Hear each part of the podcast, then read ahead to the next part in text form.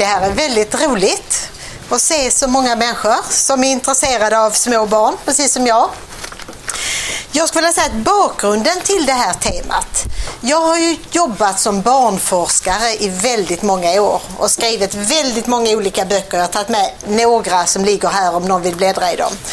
Men dock har jag inte skrivit något direkt, eller väldigt lite, om det som jag ska prata om nu. Alltså små barn och lärande för hållbar utveckling. Alltså anledningen till att jag har blivit intresserad av detta, det är två saker.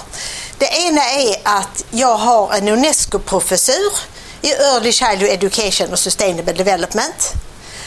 Den enda i världen för övrigt. Och så är jag ordförande i en världsorganisation som heter OMEP som Alva Myrdal för 60 år sedan var med och startade. Och de två uppdragen gör ju att jag har försökt att hitta något som, som kan förena dem och jobba med. Och då är det så här, när det gäller lärande för hållbar utveckling så frågade man sig i början på 2000-talet så hade man ett möte i Johannesburg där man frågade sig alltså varför händer ingenting i världen när vi vet så mycket om hållbar utveckling? Och då blickar man mot naturligtvis utbildningssystemet och säger att det är där vi måste börja. Och då tog Sverige på sig, Göteborgs universitet tillsammans med Chalmers tog på sig att ordna en, en eh, konferens 2004 som heter Learning to change the world. Och sen hade man tänkt att efter ett antal år så skulle man följa upp den här. Man skulle följa upp den i år. Men under tiden så bytte man regering. Alltså man gjorde det här i samband med regeringen. Och då har det blivit liggande och liggande och liggande. Så att nu är det så att den uppföljningen som vi egentligen skulle ha gjort, det görs i Bonn nästa vecka av Tyskland. Därför det är en uppföljning egentligen av Unescos dekad, alltså Unescos tioårsperiod där de jobbar för utbildning för hållbart lärande. Och alltså hållbar utveckling har ju att göra med Alltså att vi ska kunna utveckla det vi håller på med men inte förstöra för nästa generation. Och det är viktigt för mig när jag nu ska prata om de små barnen att säga att jag utgår från Unescos definition, alltså där man knyter ihop ekonomi, miljö, natur, sociala, kulturella faktorer. Och alltså själva poängen med lärande för hållbar utveckling är att de tre olika benen måste integreras. Man kan syssla med sociala frågor, värdefrågor, har vi gjort all världens tid. Men alltså poängen är att i en hållbar utveckling så måste de här tre, alltså de är relaterade internt med varandra.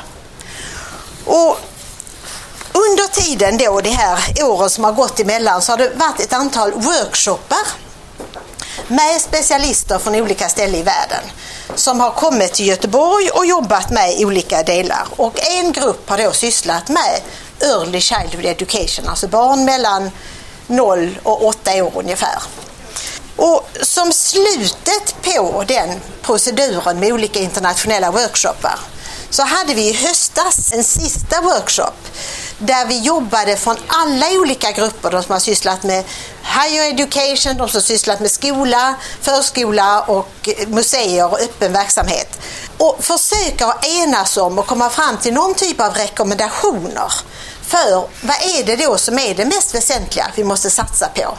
Och då har man jobbat fram både generella rekommendationer som gäller skolsystem, alltså från de minsta till, till universitet. Men det finns också specifika för Early Childhood Education. Jag har några sådana här som ni gärna får ta sen. Och det sen finns de att ladda ner på eh, Göteborgs miljövetenskapliga centrum. Finns de att få tag i. Men det jag speciellt då ska prata om, det är, alltså det finns åtta rekommendationer som handlar om utbildning för hållbart lärande eller hållbar utveckling när det gäller små barn då. Och då tycker jag det första är att säga att någonstans måste vi komma ifrån den romantiska syn vi har på barn till viss del i samhället. Alltså barn är ganska kompetenta, aktiva aktörer i sin egen vardag. De ser, hör, suger upp allt de, de ser runt omkring. Och ibland pratar folk om låt barn vara, länge, vara barn så länge de är små. Tids nog ska de gå i skolan och lära sig. Ja, jag tror inte vi ska sätta de små barnen på skolbänken. Men vi måste inse att redan tvååringarna, redan barn under tre år, har sett och hört och har med sig en massa i resten av livet. Och på något sätt så tror jag att det är viktigt att man ser barn precis som de är och accepterar att de är inga små romantiska figurer utan vissa barn får då en väldigt bra start i livet därför de har en miljö och möter människor där de får de här verktygen. Och då gäller det ju de andra barnen som inte har det i sin vardag att vi ser till, till exempel med förskolans hjälp, och utveckla de förmågorna hos barn. De här rekommendationerna, den första handlar om tillgång för alla barn till utbildning. Och då kan man säga att Sverige är unikt. Alla barn som vill, eller alla föräldrar som vill sätta sina barn i förskolan i Sverige, så är kommunerna skyldiga att tillhandahålla en plats. Det är Sverige det enda landet. Norge är på gång, men de är inte där. Och om man tittar ut i världen i stort så är det ju väldigt få länder där det finns tillgång till en förskola för barn från ett års ålder. Det är nästan ingenstans, möjligtvis från tre fyra år. Så att det är väl en av de allra viktigaste delarna när man tänker sig globalt. Men det finns väldigt mycket forskning idag som visar på alltså hur barn kan få kompensation i förskolan för sånt som man missat hemifrån. Alltså att barn som har det sämst hemma är de som kanske vinner mest på att det är en väldigt kvalitativt bra förskola man hamnar i. Men jag ska inte gå in på all den forskningen men det finns väldigt mycket man vet idag om vad de första åren i, i ett barns liv betyder. Könsfrågor är en annan del som har med rekommendationerna för ett lärande för hållbar utveckling att göra. Jämlikhet, jämställdhet. Alltså det är ju fortfarande så att i många ställen i världen så är flickorna inte i utbildningssystemet i samma omfattning som pojkarna. Så att, man kan väl säga att fortfarande tror jag man kan säga att väldigt mycket pojken är normen. Alltså det är pojken som på något sätt är, är den vi tänker på när vi tänker på det där duktiga, bra barnet. Samtidigt så vet man ju att eh, Alltså, det finns någon, en, man som heter Vitachi som har sagt utbilda en pojke om man utbildar en person. Utbilda en, en flicka om man utvecklar en, utbildar en generation. Alltså det betyder ju så oerhört mycket. Mammor som kan läsa har barn som överlever, som klarar sig mycket bättre i skolsystemet och så vidare. Så att läskunnigheten är naturligtvis en och jäm, som har att göra med jämställdhet, att alla kommer i utbildning, är naturligtvis en oerhört viktig del för demokrati och utbildning överhuvudtaget. Den tredje rekommendationen handlar om lärande för förändring. Alltså man talar om lärande i termer av att det ska leda till Alltså att man förändras. Och jag tänkte jag ska ge ett exempel på detta. Och då är det så här att där är det ganska eh, trevligt att tillhöra förskolans kultur och forskning inom förskolan. Därför att där finns av tradition ett sätt att tänka om lärande. Alltså att man integrerar, man jobbar temainriktat, man integrerar olika ämnen. Man börjar inte att sätta barnen på, på bänken och syssla med matematik och så vidare när det är två år. Utan man jobbar med ett innehåll, havet eller vad det nu är. Och så tar man in olika aspekter i detta. Och detta är ju kanske en av de största utmaningarna mot högre utbildning. Därför där är det ju väldigt disciplinärt inriktat. Så att där har förskolan en form av, av försprång och att man ofta jobbar med autentiska saker i, i världen runt, runt omkring barnet och tar vara på barns erfarenhet och barns deltagande. Jag ska berätta om ett projekt där jag tycker man har lyckats med detta. Att integrera ekonomi, miljö och det sociala. Det är en grupp i en förskola som jobbar omkring vad är levande och vad är dött. Och så börjar de att fundera över varför, no, no, varför finns det kycklingar i vissa ägg och inte i alla? Och så ställer de en massa frågor om det. Och hur är livet egentligen för en kyckling? Ja, hur ska vi ta reda på det undrar läraren. Ja, vi kan fråga Annas farmor eller vi kan läsa om ägg i en bok för att det finns om det. Ja. vi kan gå till en hönsgård och fråga de som bor där och så vidare. Och barnen ställer massor med frågor. om livet i äggen. Var kommer livet ifrån? Kan en tupp para sig med vilken höna som helst? Varför är äggen olika? Kan en kyckling få babykycklingar? Kommer äggen fram ur bajshålet? Och de frågar om vardagslivet. Om de här hönorna som de då kommer in på automatiskt genom ägget. Kan de gå ut? Kan de flyga? Hur mycket äter de? Vad tycker de om att bada? Hur hittar de maskarna? Och allt detta försöker man då gå vidare på, leta och ta reda på och fråga folk och leta i böcker. Och så besöker man då någon bondgård och så upptäcker man plötsligt att livet inte alls så snällt och romantiskt. Utan det är ju så att de flesta hönorna bor i burar, i väldigt små burar. Och de blir ganska upprörda över detta. Så hemskt det måste vara för de här hönorna att bo där. Och så funderar man över då man ser då att det finns trång, burhöns i trånga burar. Det finns frigående hönor inomhus och det finns frigående hönor som kan gå ut om de vill. Och så pratar de om detta och de ritar och gör hönor och allt vad det nu är. Och så plötsligt börjar de fundera på, men äggen som vi har här i förskolan, var kommer de ifrån?